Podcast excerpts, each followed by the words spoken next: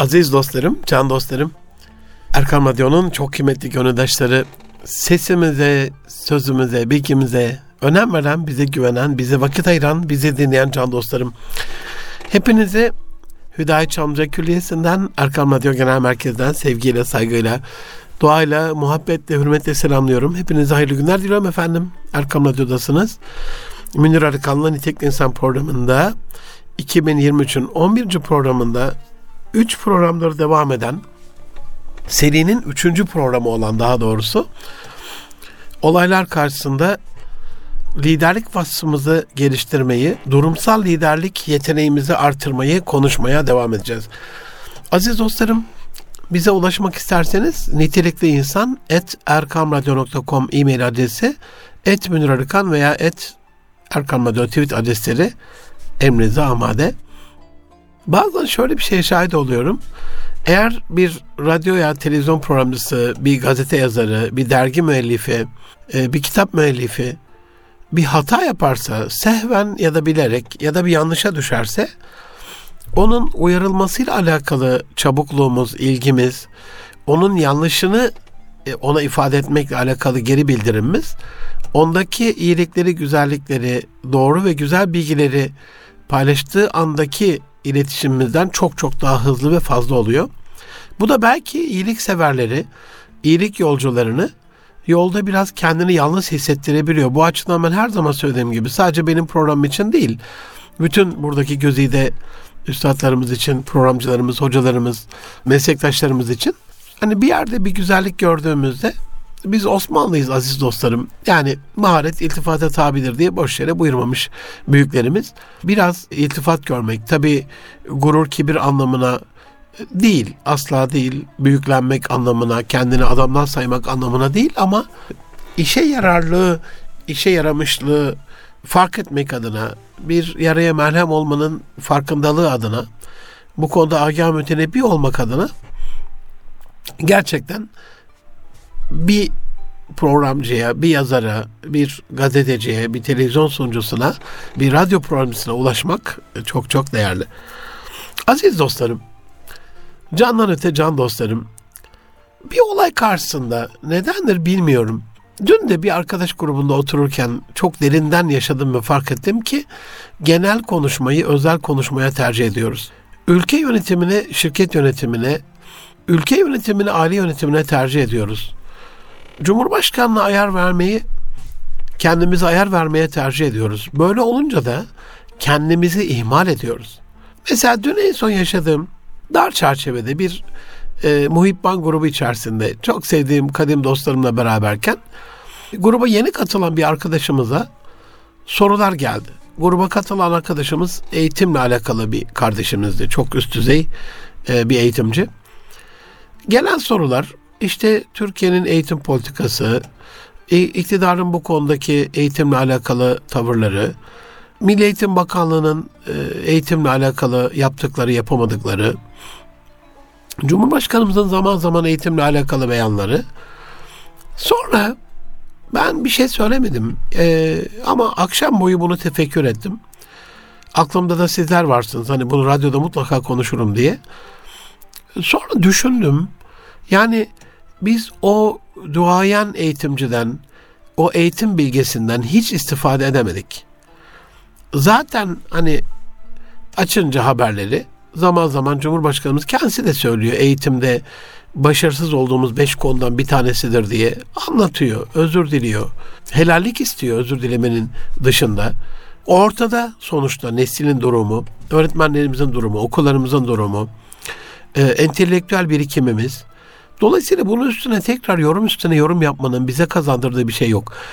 Ben filmi geriye sardım. Keşke müdahale edebilseydim diye düşündüm ama müdahale edemedim yani gidişatta. Arkadaşlarımız soruları sorarken kendi özelinde, kendi eğitim kalitelerini nasıl geliştirecekleriyle alakalı, kendilerini nasıl daha eğitimli bir kişi haline getirebilecekleri, Belki bunu ailelerine taşıyıp ailelerinde çocuklarını, yavrularını, kendilerini ve eşlerini nasıl daha iyi eğitebilecekleriyle alakalı bir soru sormuş olsalardı biz dünden çok daha müstefit olarak istifade ederek onu kendi kişisel kaynağımıza başarı ya da kazanç hanesine yazarak ayrılmış olacaktık. Ama öyle olmadı. Buradan yola çıkarak iki haftadan beri size arz etmeye çalıştığım durumsal liderlik diye de ismini koyduğum her durumda durumda vazife çıkartarak bunda benim için ne var diye bakarak ben bu durumda ben ne yapmam lazım diye kendimize sorarak ilerlemenin çok daha iyi olduğunu düşünüyorum. Aziz dostlarım kısaca bir hatırlayacak olursak size iki haftadan beri adaletli olmayı özellikle bir numarada anlattım. Yani bunun hangi e, vaziyet ve şart altında olursak olalım, hangi zaman diliminde yaşıyorsak yaşayalım.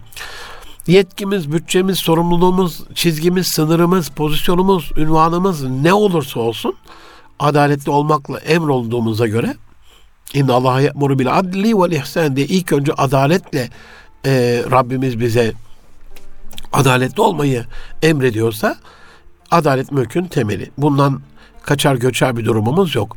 Dolayısıyla hani arkadaş grubuyla bir araya geldiğimizde canımın içi dostlarım Türkiye Cumhuriyeti'ndeki adaleti, Adalet Bakanlığı'nın adalet uygulamalarını ya da adaletsizliklerini, dünyadaki adaletsizlikleri, e, hayvanlar alemindeki yaşadığımız, gördüğümüz adaletsizlikleri, gayrimüslimlerin, ateistlerin emri altında inim inim inleyen Müslümanların uğradığı adaletsizlikleri elbette konuşacağız ama ilk önce kendi emrimiz altındakilerin adaletle yönetilmesine sorumlu olduğumuza göre ve insan ilk önce ve her şeyden evvel kendi kendi yönetmekten mesul mükellef olduğuna göre acaba kul olarak kendi kendimize adaletle davranabiliyor muyuz? Adaletli bir kul muyuz diye sorgunun ilk başlangıcı bu olması lazım diye düşünüyorum.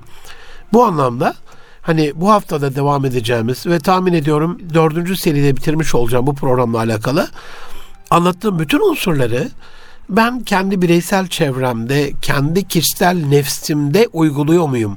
Bunu uygulayarak liderlik, yöneticilik, idare vasfımı, sevk ve idare vasfımı nasıl geliştirebilirim diye bunu konuşmamız lazım.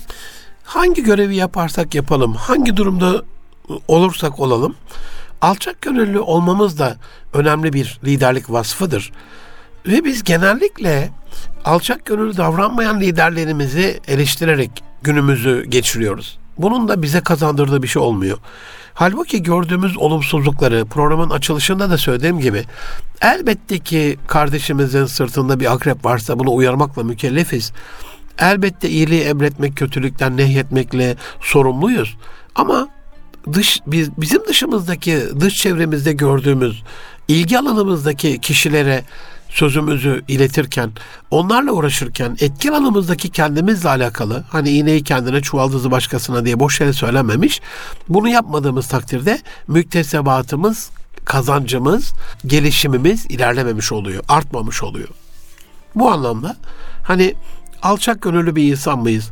Alçak gönüllü davranabiliyor muyuz? Mesela üç numarada birleştirici özelliğimiz var mı? Dört numarada çeşitliliği yönetme, diversity management dediğimiz çok kültürlü, multidisipliner bilgelikte onları sek ve idare yeteneğimiz var mı? Çözüm odaklı mıyız? Dayanıklı mıyız? İşleri delege edebiliyor muyuz yoksa kendimizde biriktiriyor muyuz? Disiplinli miyiz? Öz disiplinli miyiz? Eğitimli miyiz ve eğitime lifelong learning dediğimiz ömür boyu öğrenmeye, beşikten mezara öğrenmeye, e, öğrenen bir organizasyon olmaya meyilli miyiz? Ekibimizi geliştiriyor muyuz? 10 numarada 10. maddede bunu anlatmıştım. Mesela ekibi geliştirmekle alakalı aziz dostlarım biliyorsunuz bir de aile medeniyeti diye ikinci bir programımız var Erkan Radyo'da. Orada da bahsedeceğim biraz bununla alakalı. Ekip deyince insanların aklına hemen bir şirket geliyor. Halbuki aile içerisinde de biz bir ekibiz kendi dar çerçevemizde, kendi hanemizde eşimiz ve çocuklarımızla, hısım akrabalarımızla, konu komşumuzla yaşadığımız coğrafyada en dar çerçevede sosyolojik bir atomun atomik parçacık olarak biz de bir ekibiz. Dolayısıyla bunun sevk ve idaresinde hatta insan kendi nefsine odaklandığında kendi içerisinde de bir takım ekiplerden oluşuyor. Duygular var, düşünceler var, akıl var, zihin var, mantık var, beyin var, kalp var, ruh var, kazanımlarımız var, tecrübelerimiz var. Dolayısıyla bütün bunlar inançlarımız var, itikatlarımız var. Bir tarafımız al derken bir tarafımız sakın alma, bir tarafımız vur derken bir tarafımız sakın vurma gibi kendi içimizdeki ekiple de bir e, hasbihal ya da bir e, cenk halindeyiz. Bu anlamda da insan kendi içinde e, yaşattığı, birlikte yaşadığı ekiplerini, takımdaşlarını, takımın unsurlarını da geliştirmek zorunda enerjik olmak durumunda bir liderlik vasfı olarak esnek olmak durumunda farklılıklara saygı duyan, finans yönetiminde gerçekten başarılı olan, gerekli yeteneklere ulaşan ve o yetenekleri kendisine bağlamada ya da işe almada bir kurumdaysa, ailedeyse aileye katmada biraz becerikli olması lazım. Antepli bir kardeşinizin mesela Antep'te biraz böyle tuhaf gelebilir başka illerdeki dostlarımıza. Ama kız babaları bir şekliyle kızı için münasip gördüğü damat adaylarıyla bir e, ticari anlamda bir yakınlık kurarlar. Bir şekilde mekansal anlamda mesela komşu olurlar, birlikte bir iş yaparlar, bir alışveriş yaparlar. En azından tanısınlar ve bu konuda onun altyapısını hazırlasınlar gibi. Hani bu anlamda da gerekli yetenekleri işe alımla alakalı hani aileye alınan bir gelin, aileye gelen bir damat da aile için gerekli olan bir yetenek değil mi? Ya da hani çocuğumuz sıfır kilometre e, doğumhanenin kapısında kucağımıza teslim edildi. O da dünya için gerekli bir yetenek değil mi? Gerekli olmasa Rabbim yaratır mıydı? Onun yeteneğini geliştirmekle alakalı da bir liderlik yapmış oluyoruz. Durumsal liderlik dediğim bu zaten. Ve geri bildirime açıklık 16. maddede bize söylenilen ya şunu böyle yapmasan daha iyi olmaz mı? Şöyle davransan daha iyi olmaz mı gibi konulara kulak tıkamamak, güvenilir bir insan olmak ve hedefe bağlılığı son iki programda 9-9-18 madde paylaştık. Bugün 19. maddede iletişim özelliğinden başlayalım. Can dostlarım hangi işi yapıyor olursanız olun zaman zaman tekrarlarım. Hani dini İslam-ı Mübin'in farzlarına, feraize baktığımızda sünnetlere baktığımızda, Allah Resulü sallallahu aleyhi ve sellem Efendimizin hadis-i şeriflerini incelediğimizde, büyüklerimizin, uluların, önde gidenlerin o kılavuz çizgilerine, yolda bıraktığı izlere baktığımız zaman gerçekten din İslam'ı mübinin %50'sinin iletişim, %50'sinin takımdaşlık bir ekip çalışması olduğunu görüyoruz. Hem ferdi güçlendirmek, kaliteli, nitelikli, yetenekli, becerikli bir hale getirmek ve bu kaliteyi de iletişimiyle dışarı vururken onun iletişim kalitesinde göstermesini tesis etmek amacıyla birçok ayet-i kerime hadis-i şerif mevcuttur. Aynı şekilde ferdin tek başına kalmaması adına zaman zaman paylaşırım hani İslamiyet bir mağara Müslümanlığı emretmez. Sosyal bir varlık olarak insanları o cemiyetin içerisine sevk eder. Hatta orada yaşamaya mücbir kılar ve hatta sevabın çoğu oradadır diye. Hani evde bir e, kıldığımız e, bir namazın, bir vakit namazın bir sevabının camide 27 katlı çarpılmasının bir sebebi olsa gerek. Bu anlamda işte bu %50'si iletişim, %50'si takımlaştık dediğim İslamiyet'te aslında takımlaşlığın kalitesini de oluşturan iletişim. Araştırmacılar 1950 yıllardan bu yana hani Fortune 500 diye kastettiğimiz, bahsettiğimiz dünyanın en kaliteli böyle şirketlerine baktığımız zaman bu Fortune 500 şirketinin zirvesine Everest Dağı'na tırmanandan çok daha az insan ulaşmış. Hani Everest'te çoğu yarı yolda can veren 5000 kişi ulaşmış. Demek ki CEO koltuğuna o kadar insan bile e, oturamamış. Özellikle uluslararası danışmanlık şirketlerinin yaptığı çalışmalarda bu anlamda CEO'ların, CEO dediğimiz hani o şirketin lideri, bir numarası. Onlara baktığımız zaman iletişimin bir numaralı özellik olduğu ortaya çıkmış. Yani ekibini kaynaştıracaksa, vizyonunu ifade edecekse, ilham verecekse, onları kendi vizyonuna inandıracaksa, onları motive edecekse bütün bunlarla alakalı kullandığı yegane elindeki araç iletişim. Bir arkadaşım üst düzey yönetici, genel koordinatördü. Görevinden birazcık böyle alındı demeyeyim ama hani etikette genel koordinatör ama aile şirketi bahsettiğim şirket şu şu aile üyelerine de dokunmayacak. Halbuki onlar departman müdürleri. Dolayısıyla genel koordinatör onların amiri ve o departmanlara da emir komuta zincirinde bir şey söylemesi lazım. Ama aile o e, aileden olan 3-4 kişiyi ayırarak onlarla alakalı emir komuta e, kademesini organizasyon şemasında direkt yönetim kurulu başkanına bağladım. Bir hafta sonra konuştuk. Hani böyle haftalık aile koşullarında haftada bir bir araya geliyoruz. Dedim abi ne durumdasın? Vallahi hocam dedi. E, İngiliz anahtar alınmış bir su tesisatçısı gibiyim dedi. Hani bir düşündüm çok derin anlamlı bir cümle gibi geldi. Su tesisatçılarının hani işleri yapmalarıyla alakalı o boruları söküp takmalarıyla alakalı herhalde tornavida bir işe yaramaz orada. Hani en gerekli enstrümanları, araçları, ekipmanları İngiliz anahtarıdır ve onu el, ellerinden aldığınız zaman fonksiyonsuz haline getirirsiniz yani. Aynen o durumdayım dedi. E, bu anlamda CEO'ların da ellerinden iletişim kabiliyetini aldığımız zaman hakikaten İngiliz anahtar alınmış su tesisatçısı gibi böyle oldukları gibi yerlerinde sayan bir vaziyete gelirler. Bu açıdan hani burada kritik belki de İsviçre çakısı gibi düşünelim. İletişim bütün diğer liderlik ya da CEO'luk vasıflarının idaresine, sevkine, organizasyonuna kritik düzeyde anahtar ya da kilit taşı fonksiyonunda bir etki yapıyor. Mesela CEO'ların stratejik düşünme yeteneği, ilişki kurma özelliği, riske girmeleri, risk almaları, özgünlükleri, biricikleri, teknikleri, alçak gönüllü olmaları, dayanıklılıkları, kararlılıkları e, gibi birçok özellik e, bu araştırmada incelenmiş. Bunların içerisinde bütün bu özellikleri mesela stratejik düşünüyorsa e, herhalde bir stratejik düşünce çalıştayı gibi, bir workshop gibi, bir beyin fırtınası gibi bir şey yapılması lazım.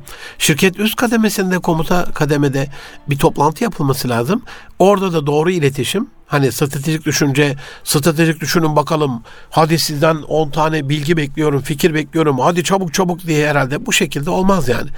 Onları içten böyle size tabi olacak bir şekilde stratejik düşünceye sevk eden e, ilham veren liderlikte bir güzel kableleyin iletişim tarzınızın olması gerekiyor. Durumsal liderliği anlatıyorum. Şirketlerde, koçluk yaptığım şirketlerde nedense yurt dışında buna çok önem veriliyor. Türkiye'de Türk şirketlerini kastediyorum. Mesela kapıda aşağılamak için asla söylemiyorum. Aziz dostlarım benim için çok çok önemli insanlardır. Kapıdaki bekçi kardeşlerimize, güvenlik görevlilerine, resepsiyondaki kardeşlerimize, çalışanlarımıza hiç önem verilmediğini görüyorum ben Türkiye'de. Bir tane şirket rastladım. Gaziantep'te koçluk yaptığım şirketlerden bir tanesi. Hocam bu arkadaşa gerçekten hak ettiğinden çok daha fazla veriyoruz. Bunun motivasyonu önemsiyoruz. Yıllık kılık kıyafet yardımı yapıyoruz. Arabasını, statüsünü, odasını, kullandığı teçhizatları çok özel tutuyoruz. Sebebi buraya gelen çalışanlarımız, 5000'e yakın çalışan olan bir şirketten bahsediyorum. Sabahın ilk vakitlerinde bu kardeşimizi görüyorlar ve akşam buradan ayrılırken son olarak yine bunu görüyorlar. Dolayısıyla hani motivasyon bulaşıcıdır diyoruz ya can dostlarım. Dolayısıyla onların işi sahiplenmeleriyle alakalı, bir gönül bağlantısı, bir rabıta kurmalarıyla alakalı bu arkadaş kritik düzeyde diye söylüyorlar. Nedendir bilmiyorum. Hani milyon dolarlık, milyonlarca dolarlık şirketler yapıp e, sonra onu telefonun ucunda hani 7-8 milyar insandan kaç kişisi gelebilir ki şirketinize bedensel manada, fiziksel temasla? Çok az kişi gelebilir yani gün boyu.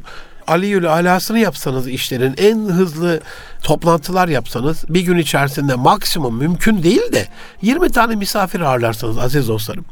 Hani 20 kişidir yani yarım saatte bir birini alıp onunla görüşüp özel bir iş kurduğunuzu, iş yaptığınızı, bir alışverişte olduğunuzu düşünerek tabii ki toplu olarak bir yerde toplarsınız binlerce kişiye hitap edebilirsiniz ama hani birebir iş yapmada maksimumdur yani 20 kişi. Dolayısıyla bir yönetim kurulu başkanı olarak, bir CEO olarak, bir genel müdür olarak, bir departman müdürü olarak o gün maksimum 20 kişi gelebilir size ya.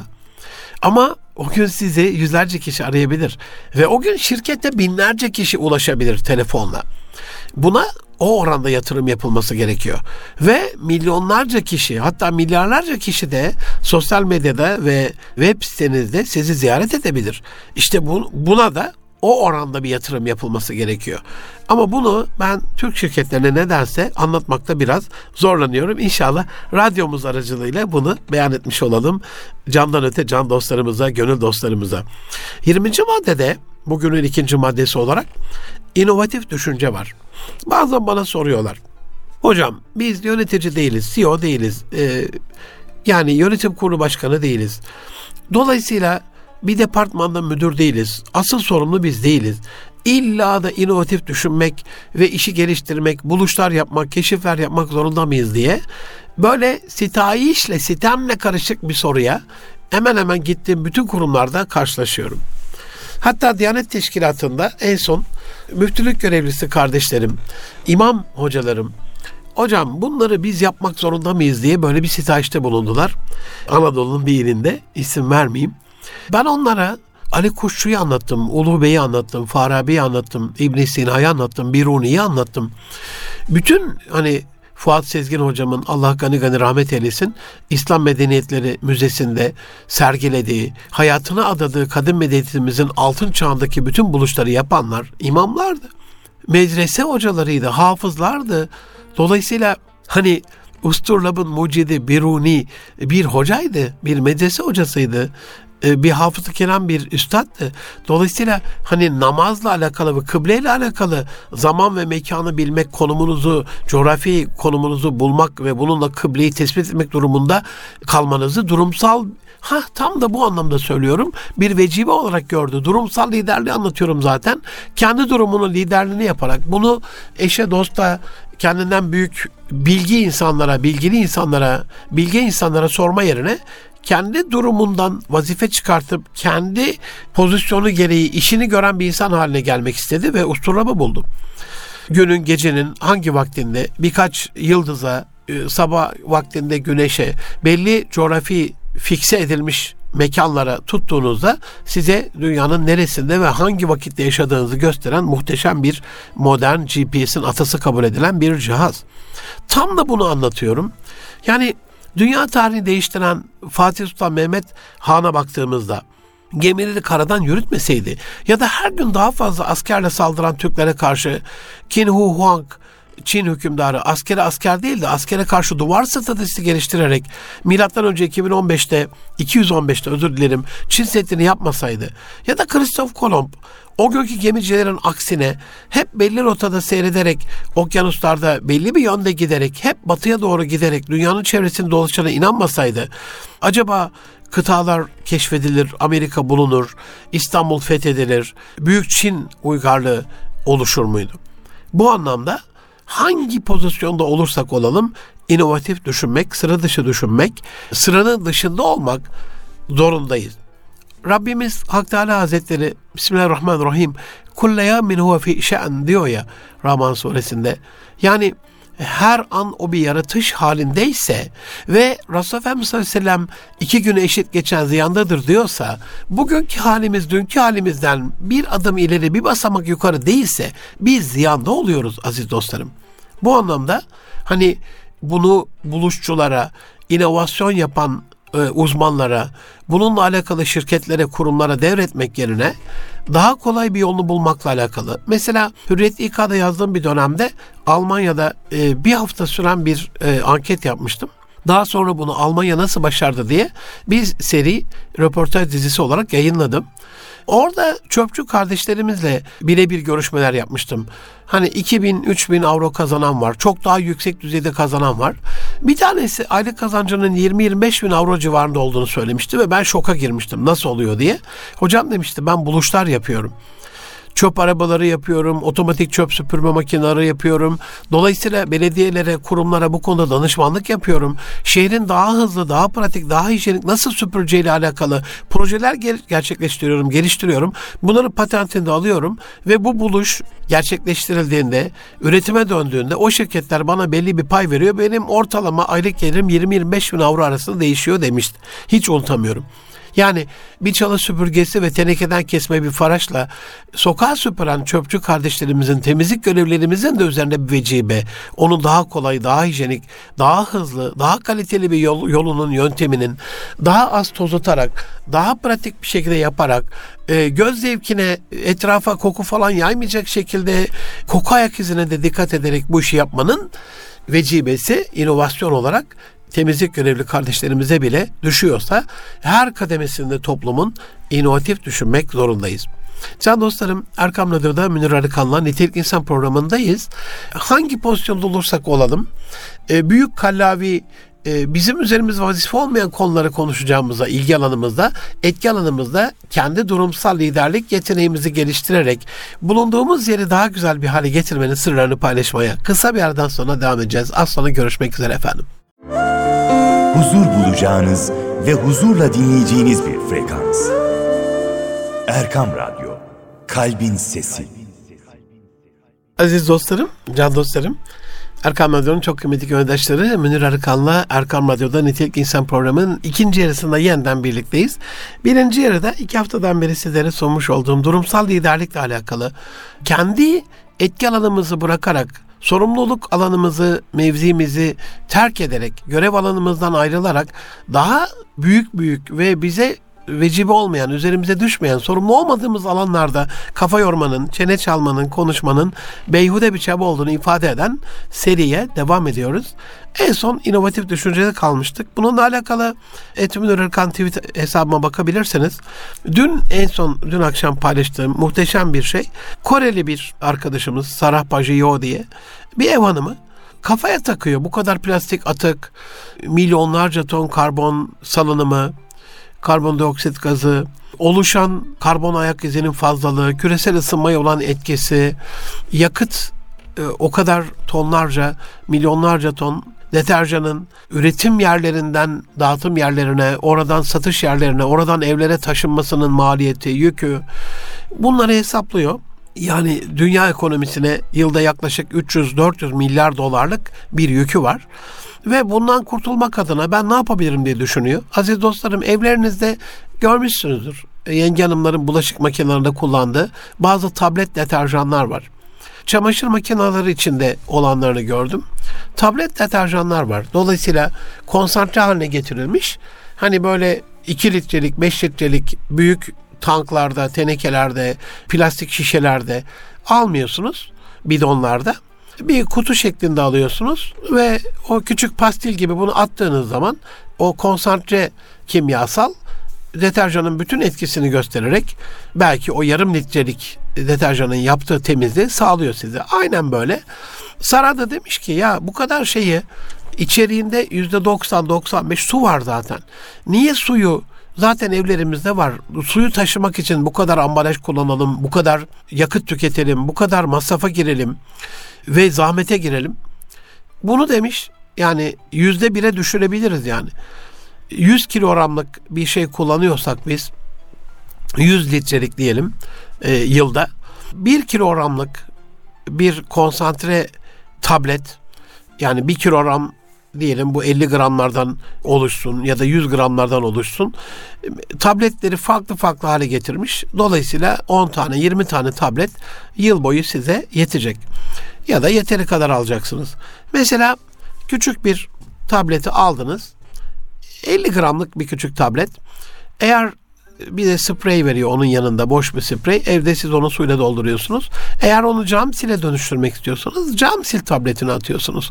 Sıvı sabuna dönüştürmek istiyorsanız sıvı sabun tabletini atıyorsunuz. Onu bir şampuana dönüştürmek istiyorsanız şampuan tabletini atıyorsunuz. Biraz çakaladıktan sonra A kalite tıpkısının aynısı bir şampuanınız e, ya da duş jeliniz oluyor. İnanılmaz bir inovasyon örneği ve durumsal liderliğe de gerçekten muhteşem bir örnek.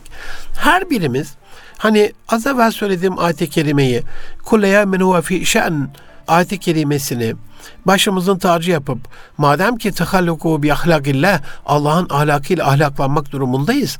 Allah'ın nasıl yarattığını idrak edip akletmek bundan biomimikri engineering diye zaman zaman bahsettiğim biyomimikri mühendisliği çerçevesinde bir modelleme yapmak durumundaysak Allah Resulü Üsve-i Hasene sallallahu aleyhi ve sellem Efendimiz iki gün eşit geçen ziyandadır diye söylemişse ve buna uymak zorundaysak işte aynen öyle. Biz hani dünkü çamaşır bulaşık yıkama şeklimiz bugünkünün aynısı, dünkü ders çalışma şeklimiz bugünkünün aynısı, dünkü üretim şeklimiz bugünkünün aynısı olabilemez. Olamaz can dostlarım. O zaman işi rutine bağlamış, standardı kabul etmiş ve e, bunu şuna benzetebiliriz. Mesela bir yarışta bir maraton olsun. Son 500 metresi, son 1 kilometresi uzaktan bakıyorsunuz koşucular geliyor. Hepsinin aynı hizada olduğunu düşünün. Sona kalan 10 yarışmacının ve onlar aynı adımları atarak devam ederlerse yenemezler birbirlerini. Hani rakibine bakarak her zaman söylerim hani bir yarışta e, birinciyi kim belirler? Birincinin performansı asla belirlemez. Bir yarışta birinciyi daima ikinci belirler. İkincinin birinciyi geçme arzusu, birinciyi daha diri tuttuğu için, onun rekabet ettiği için kendini biraz daha hazırlar ve onu geçmekle alakalı atak yapar. Onun için biz dünkü halimizle devam ediyor olursak yerimizde sayacağımız için bizden daha atak firmalar, şirketler, organizasyonlar, çevik şirketler bizi gelip geçeceklerdir. Bu anlamda da kaybın en önemli unsur olur yerimizde saymak. 21. maddede işbirliği ve takım çalışması durumsal liderlikle alakalı. Bunu medyadan, film endüstrisinden, Hollywood'dan, Amerika'nın bize bir şekilde lanse etmeye çalıştığı Marvel kahramanlarından, süper kahramanlardan çok iyi bir şekilde anlayabiliriz aziz dostlarım. Mesela 1970'li 80'li yılların Hollywood kahramanları Superman'di, Örümcek Adam'dı. Tek kişilik kahramanlardı. 1990'larda hani onlar dünyayı kurtarırdı. Onlar tek başına e, bir şeyin üstesinden gelirlerdi. Çocukluğumuzda e, Allah affetsin çokça vaktimizi alan ve beyhude okumalarla zihnimizi bulandırmaktan başka bir şey yaramayan Texas'lı, Tom Kist'i, Mr. No'ydu, Mandrake'ydi gibi çizgi süper kahramanlarının da tek kişilik kahramanlar olduklarını görüyorum. Ama 1990'larda senarist ve yapımcılar Voltron tarzı çoklu ve takım oyunu oynayan yapımlara, karakterlere, kahramanlara ağırlık verdi. Hani yedi e, parçadan oluşan bir ekip bir araya gelerek kendilerinden çok daha değerli bir süper gücü oluşturuyorlar. Voltron'u oluşturalım diye. Hani hatırlayın gölgelerin gücü adına diye çocukluğumuzda çokça duyduğumuz. 2000'lere geldiğimizde ise artık birçok süper gücün birleşip daha süper bir güç haline geldi. Marvel ve Pixar kahramanlarını The Incredibles gibi inanılmaz aile, Avengers gibi ortak ekip çalışması ve filmleri reyting rekoru kırıyor. İşte bu anlamda bizim çok hızlı bir şekilde Türk ekolünü bırakıp Alman ekolüne geçmemiz gerekiyor. Türklerde biz Türklerde biraz süpermenlik, biraz liderlik, biraz takım kaptanlığı, biraz artistik puan çok önemlidir. Dolayısıyla kişiyi ödüllendiririz. Almanlarda takım başarısı çok önemli olduğu için hani gol kralından ziyade şampiyonluğa önem verirler. Bizde ise o golün nasıl atıldığı, artistik puanı, rövaşatı olup olmadığı, kalecinin kurtarırken yaptığı artistik hareketler, maç içerisinde insanları galeyana getiren artistik figürler çok önemlidir. Ama maçın sonucuna baktığımızda bir de hani yenilmedik ayaktayız şeyiyle avutmasıyla tebrikler falan işte elinizden geleni yaptığınız gibi böyle bir mağlubiyetin kabul edilişiyle devam ettiğimiz için halbuki eli boş aşıklara mahpupları el vermezler. Bu anlamda elimizde bir sonuç olması gerekiyor. Amellerin ameller niyetlere göre amel hadis-i şerif ama bir başka hadis-i şerif de var. Amellerin değeri sonuçlarına göre. Sonuç sonuç da gerekiyor. Bu anlamda bu işbirliğini, takım çalışmasını, ekip çalışmasını mutlaka doğru sonuca gidecek, sonucu daha mükemmel hissedecek bir duruma getirmemiz gerekiyor. Bakıyoruz işte az olsun benim olsun. Yani az olsun benim olsun. Özellikle aile şirketlerindeki bölünmenin, parçalanmanın Gaziantep'te çocukluğumda çok önemli, güzel bir oyuncakçı dükkanı vardı. Ama hani şimdikiler bir milyoncu deyince biraz statü düşüyor. Öyle değil. Hani bir milyoncudaki gibi her şeyin olduğu ama çok elit, çok kaliteli ürünlerin de olduğu A'dan Z'ye hemen hemen aradığınız her şeyi bulduğunuz İsim vermeyeyim şimdi rencide olur sahipleri. E, amcamız vefat etti. Çocuklarında şu anda gelinlerinde, damatlarında, evlatlarında. Sonra yani 2000'den sonraki her gidişimde aziz dostlarım her yıl bölüne bölüne bölüne en son inanın küçük bir koridor gibi bir insanın bile hani ayakta zor durabileceği küçük bir masa arkasında böyle bir depo gibi o hale getirmişler. İşte ne oluyor? Takım çalışması, e, ekip çalışması, onlarla bütünleşme, halbuki bir araya geldiğimizde çok daha fazla kazanmamız e, mukadderken, çok daha fazla kazanabileceğimiz ortadayken, ya ben onları idare edeceğime, daha az kazanca, daha az gelire, daha az statüye tav olurum, razı olurum, onların da karnını çekmem gibi, halbuki ne dedik? İletişim ve takımdaşlık yani dinimizin özü ve özeti. Buna uymamız gerekiyor. Zaman zaman bahsederim sizlere biliyorsunuz bu mikrofonlardan. 56 yıllık hayatında 19 farklı iş yapan ve 18. işi fotogrametrik harita işini de 31 Mayıs 2000'de terk edip ben düşünen, konuşan, yazan bir Münir Arıkan olacağım diye yemin edip bu yola çıkmış. Dualarınıza muhtaç bir kardeşinizim. 19. işimi yaparak ölmek istiyorum. Yaparken ölmek istiyorum. E, bundan başka hayatım bir şey adamak istemiyorum. Dolayısıyla 23 yıldan beri de çabalamam. 31 Mayıs 2000'den bu yana bu doğrultuda. En son çalıştığım şirkette hani kendi uçaklarımızla hava fotoğrafları çekip ortofoto haritalar yapıyorduk. Orada Tapu Kadastro Genel Müdürlüğü ile arazi bütünlemelerde inanılmaz çalışmalarımız oldu Anadolu'da. Küçük küçük bakıyorsunuz uçaktan uçarken e, Türkiye'de tarlalar, kibrit çöpü, e, kibrit kutusu büyüklüğünde. Halbuki hani Avrupa'ya geçtiğinizde hatta Amerika'ya geçtiğinizde saatte 900 kilometre 1000 kilometre giden bir uçaktan 3-5 dakika boyunca bitmeyen yekpare tarım arazileri görüyorsunuz. Bununla alakalı bu takımdaşlığın, ekip çalışmasının e, ne kadar önemli bir şey olduğunu bir örnek köyün vakasını anlatarak sizlere arz etmek istiyorum. İşbirliği ve takım çalışması yaparsak bir köy nasıl kalkınıyor? Ekonomiye nasıl bir katkı sağlıyor? Yurt dışına olan bağımlılığımız ne kadar azalıyor? Yurt dışına ödediğimiz o beyhude dövizler nasıl cepte kalıyor? Aziz dostlarım, anlatacağım köy Kabalı köyü. Yozgat'ın Kadışehri ilçesindeki Kabalı köyü. Allah rızası için duyan dostlarım bu köyün öyküsünü her platformda dilden dile kulaktan kulağa aksettirsinler. Köyde hani konumuz ne? Durumsal liderlik. Tam da bunu anlatıyorum işte.